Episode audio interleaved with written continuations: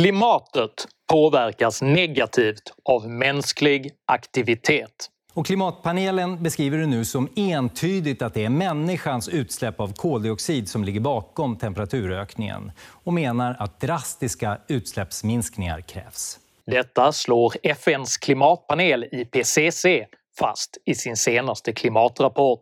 Hur ska denna information värderas och vilka åtgärder bör tas? Åsikterna haglar som i ett extremt oväder.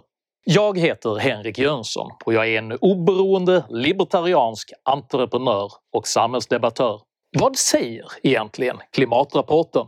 Hur bör man reagera på dess innehåll? Och vad skiljer ekonomisk pragmatism från emotionellt driven symbolpolitik? Dessa frågor tar jag upp i veckans video. Gillar du mina filmer så hjälper du mig att fortsätta göra dem om du stöttar mig via något av betalningsalternativen här ute till vänster. Det är endast tack vare ert generösa stöd som jag kan fortsätta att producera nya och aktuella videokrönikor varenda vecka. Så ett stort, stort tack till de av er som bidrar. Är du ny på kanalen så kan du dessutom med fördel prenumerera här nedanför.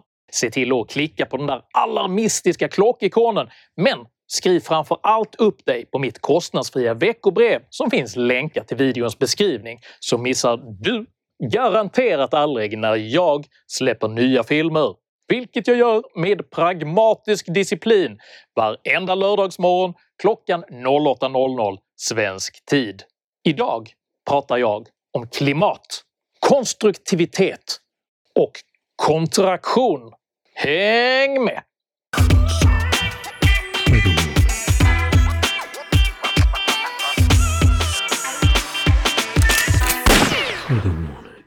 Enligt FNs klimatpanel IPCCs nya klimatrapport orsakar mänsklig förbränning av fossila bränslen uppvärmning av atmosfären, vilket påverkar både väder och klimatsystem. Klimatpanelens slutsatser är inte baserade på prognoser eller teorier utan underbyggs med tillgänglig statistik.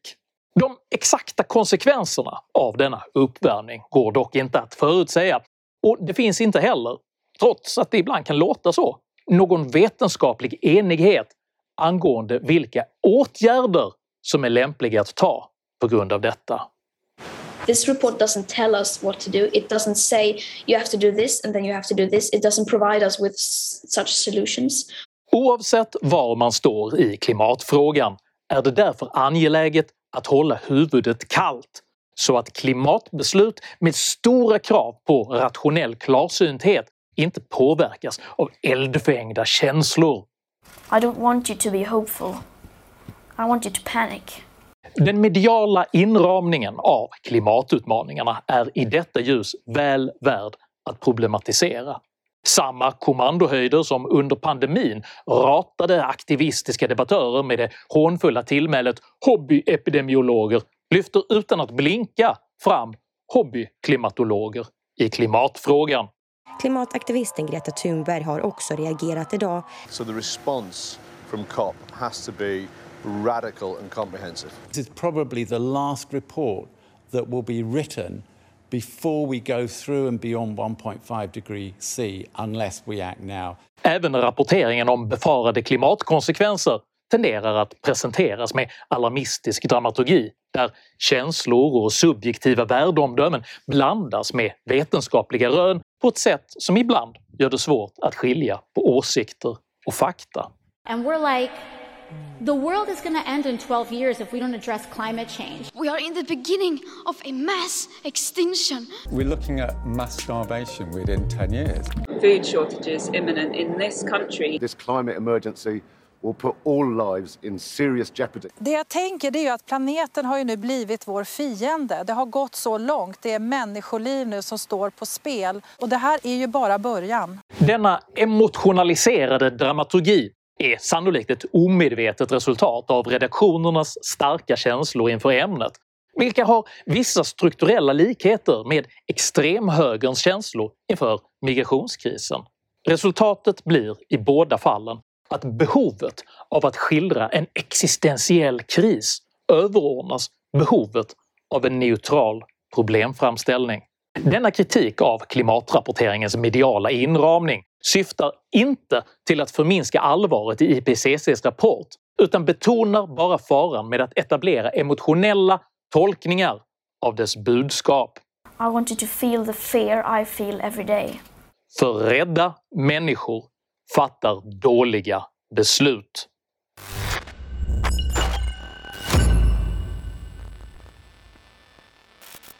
Tendensen att ta klimatkrisen som intäkt för storskaliga ingrepp i den liberala demokratin är redan påtaglig. För en tid sedan besvarade exempelvis den miljöpartistiske EU-parlamentarikern Per Holmgren frågan “Vad skulle du göra om du var statsminister?” med följande ord “Jag skulle snabbt avskaffa alla val. För att det jag ser framför mig nu det är ungefär en lika stor utmaning som ett tredje världskrig och då, om man hårdrar det lite, då har vi liksom inte tid att hålla på och käbbla mellan partierna. Denna typ av eldfängda känsloutspel har gett upphov till både klimatångest och olika typer av konsumtionsskam hos befolkningen, vilket i sin tur har skapat efterfrågan på radikala symbolåtgärder för att beveka dessa känslor av skam och ångest. Symbolåtgärderna fungerar rent psykologiskt som en form av avlatsbrev. Att solidariskt byta ut fungerande sugrör mot någon form av illasmakande papptub som gradvis löses upp i drinken skänker individen en asketisk upplevelse av rättfärdighet samtidigt som denna typ av punktingrepp i ekonomin i själva verket ofta är direkt kontraproduktiva. Ett aktuellt exempel på denna typ av kontraproduktiva symbolåtgärder är hur regeringens beslut om utvidgade naturskyddsområden nyligen resulterade i ett oförutsett stopp av all svensk cementproduktion. Utan cement kan dock varken tågräls eller vindkraftverk byggas vilket ytterst tvingade regeringen att panikändra i miljöbalken för att förhindra sitt eget beslut från att leda till infrastrukturell härdsmälta. Därför har vi inom regeringskansliet under den här korta tiden eh, undersökt olika handlingsalternativ eh, för att minimera just risken för samhällskonsekvenser. Vi förbereder nu även förändringar i miljöbalken som, som Per Bolund kommer att göra, redogöra för mer i detalj som handlar om att avvärja eller minimera risken för, eh, för konsekvenser i sysselsättning och, och viktig samhällsinfrastruktur. Ett annat exempel är den omtvistade plastpåseskatten som infördes den 1 maj 2020 och som har gjort att en plastpåse idag kostar 7 kronor i handeln.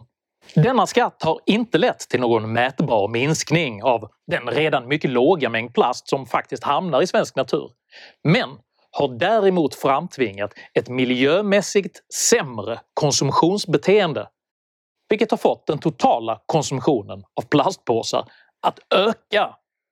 Detta beror på att svenskar nu köper dedikerade soppåsar på rulle istället för att återanvända de nu ekonomiskt utfasade plastbärkassarna. Samtidigt har användningen av återanvändbara bärkassar av tyg ökat. Men energi och vattenkostnaden för att producera dessa är så hög att varje tygpåse måste återanvändas över 20 000 gånger för att bära sina klimatkostnader jämfört med en vanlig plastpåse. Ett tredje exempel på en kontraproduktiv symbolåtgärd är subventioneringen av elcyklar, vilka Miljöpartiet hoppades skulle ersätta bilen, men som istället ersatte folks vanliga cyklar med cyklar med litiumbatterier. Samtidigt hade de 350 miljoner kronor som elcykelsubventionen kostade årligen kunnat kompensera för koldioxidutsläpp motsvarande 600 000 bilar som kör 1500 mil varje år. Dessa exempel belyser vikten av att undvika emotionella och symboliska beslut i komplexa frågor som i själva verket kräver pragmatism.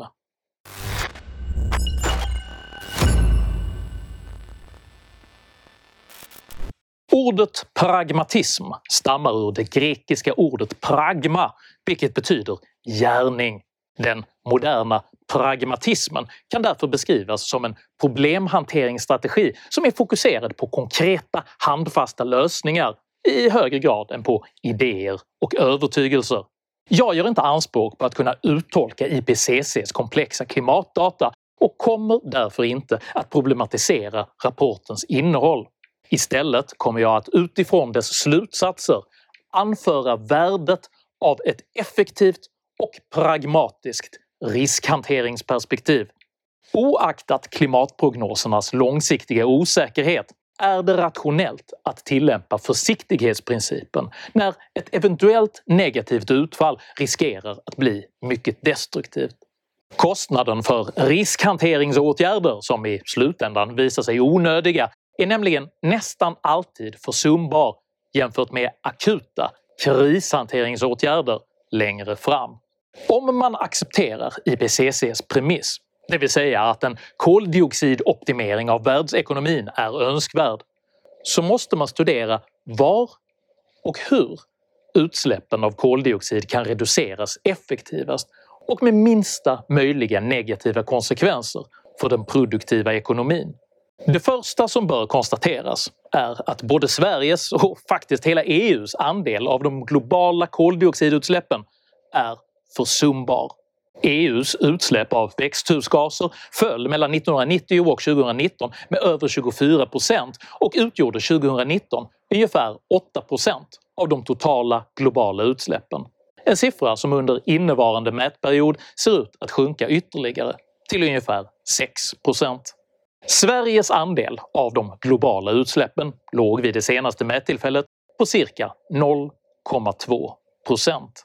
Samtidigt är Kinas utsläpp större än samtliga industrialiserade länder sammantaget och de står i nuläget för ungefär 30 procent av de totala globala utsläppen. Marginalnyttan av att genomdriva fler hårda miljökrav i Sverige är därför sannolikt negativ. För även om Sverige till mycket, mycket stor kostnad skulle halvera sina redan mycket, mycket låga utsläpp skulle detta bara sänka de globala utsläppen med ungefär 0,1 procentenheter. Det är den typen av kraftfulla beslut som säger att eh, nu är det slut med fossilanvändning nu är det de förnybara energikällorna som är framtiden. Samtidigt som denna eventuella utsläppsminskning är obefintlig reducerar denna typ av samhällsekonomisk självflagellering Sveriges kapacitet att som högteknologiskt innovationsland kunna bidra till globala klimatförbättringar. Vilket med stor sannolikhet gör detta till ännu en kontraproduktiv symbolåtgärd.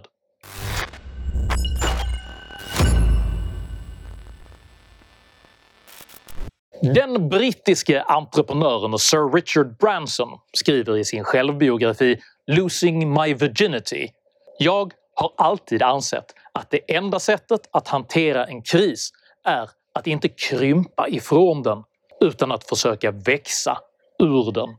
Stora delar av den globala miljörörelsen företräder, med Richard Bransons terminologi, en form av civilisatorisk krympningsstrategi. Fokus ligger nästan uteslutande på minskad förbrukning, avvecklad produktion och på en teoretisk återgång till mer primitiva livsbetingelser. Nu är det korten på bordet som gäller. Varje gång vi gröna föreslår kraftfulla åtgärder för att minska utsläppen så får vi nej från de andra partierna. Därför har vi nu bjudit in eh, och kräver en särskild debatt i riksdagen så att alla partier måste stå till svars för den politik de driver. Reaktionen är begriplig, men kontraproduktiv och ytlig. Den identifierar energiförbrukning som klimatproblemets rot och vill därför begränsa energiförbrukningen.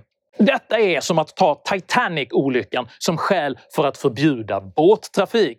För energiförbrukning är själva förutsättningen för hela den mänskliga civilisationen vilken genom innovationer kunnat gå från ved till kol, från kol till olja och från olja till elektricitet som energikällor. Ambitionen att krympa världsekonomin för att rädda planeten är således som att försöka lösa trångboddhet genom självsvält. Det löser inte problemet, men det kommer att göra den som försöker galen av hunger. Hur ska man göra som individ? Hur ska man bäst liksom leva klimatsmart och så? Det behöver vi diskutera mera. Man ska inte resa och man ska inte åka bil och man ska inte äta kött kanske heller och sådär. Men samhället måste, hela samhället måste ställa om och det är inte bara att vi reser utan det är liksom vår konsumtion. Det handlar om extremt stora omställningar av samhälle och, och livsstil skulle jag säga egentligen. Ni säger båda två detta att det ska vara en stor omvälvande omgörning på gång. Är människorna beredda på den tror ni? Denna drastiska krympningsstrategi kan framstå som både rakryggad och handlingskraftig men är i själva verket banal, ointelligent och destruktiv. Den miljöspecialiserade nationalekonomen William Nordhaus forskning visar entydigt att det realpolitiskt mest effektiva sättet att förbättra klimathanteringen är att upprätta konstruktiva ekonomiska drivkrafter. Storskaliga koldioxidutsläpp kan exempelvis prissättas på en global koldioxidmarknad introduktionen av en prissättningsmekanism kommer både att pådriva strängare hushållning med de utsläpp man betalar för och ge incitament för investeringar i processförbättringar och teknologisk innovation. Detta är exempel på marknadsekonomiska drivkrafter som premierar resurshushållning och innovationsbenägenhet istället för kontraktiva krav på omställning, klimatsmarta livsstilsval och symbolåtgärder. Mm. Detta motsvarar Bransons expansionistiska krishanteringsmodell. Detta motsvarar den innovationsbenägna civilisationens framåtskridande. Och detta kräver mer energi, inte mindre.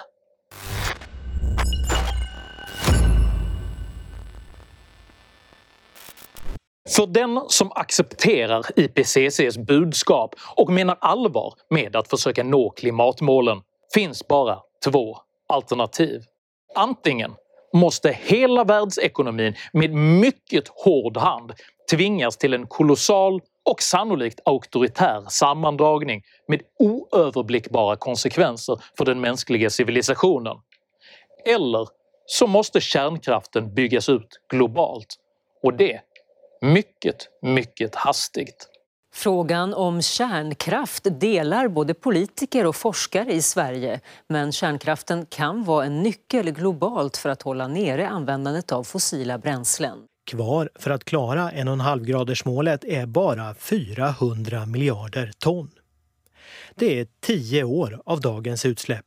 Med en tidshorisont på tio år är klimatmålen helt omöjliga att nå utan kärnkraft. Bara att ersätta den svenska kärnkraft som man just nu håller på att avveckla kommer att kräva över 10 000 nya vindkraftverk samtidigt som Svenska kraftnäts prognoser indikerar att Sveriges energibehov samtidigt kommer att fördubblas i samband med klimatindustrisatsningar och elektrifiering. Många av de gröna omställningar som nu diskuteras uppskattas kräva stora mängder el. Men var ska all el komma från? På global nivå är siffrorna ändå dystrare eftersom det helt saknas förutsättningar för att ställa om den enorma kinesiska ekonomin till förnyelsebara energikällor. Med tanke på det tidsfönster som IPCC angivit finns det därför inget utrymme att vänta. Antingen inleds omedelbart en storskalig global utbyggnad av kärnkraften eller så kommer man att missa 1,5-gradersmålet. Så här kommenterade energiforskaren Lina Bertling Tjernberg IPCCs slutsatser. Det viktigaste nu det är ju att vi fokuserar på hur kan vi få ner de här utsläppen. Och då kommer kärnkraften vara ett alternativ i världen. Och om vi nu har forskning inom det i Sverige så är väl det fantastiskt för då bidrar ju vi till världens utveckling. Det finns nämligen inga andra alternativ just nu. Och här finns det slutligen någonting som du faktiskt kan göra som svensk oavsett om du är höger eller vänster, rik eller fattig, politisk eller ointresserad. Tala med dina vänner och be dem rösta på vad som helst utom på det svenska miljöparti som hängt upp hela sitt existensberättigande på en allt mer impopulär, irrationell och kontraproduktiv kamp mot kärnkraft. Så att jag, jag tror att vi, vi måste sätta ner foten och ta en del beslut som inte alla tycker om. Rösta bort Miljöpartiet för dina barns skull. Rösta bort Miljöpartiet för ditt lands skull. Rösta bort Miljöpartiet för miljöns skull. Tycker du det är bättre att bygga ut kärnkraften än att försöka krympa hela världsekonomin? I så fall tycker jag att du ska dela den här videon med dina vänner och varför inte prenumerera på min Youtube-kanal när du ändå är i farten. Har du egna erfarenheter av Miljöpartiets ambition att krympa ekonomin? Dela i så fall gärna med dig av dina erfarenheter i kommentarsfältet här nedanför. Jag uppskattar all respektfull kommunikation. Tänk dock på att alltid vara artig. Jag tolererar inte aggression, personpåhopp eller rasism i mina idédrivna kommentarsfält. Tack för att du som kommenterar respekterar detta. Jag heter Henrik Jönsson och jag betraktar en storskalig och omedelbar global utbyggnad av kärnkraften som den enda realistiska möjligheten att nå klimatmålen. Tack för mig och tack för att ni har lyssnat.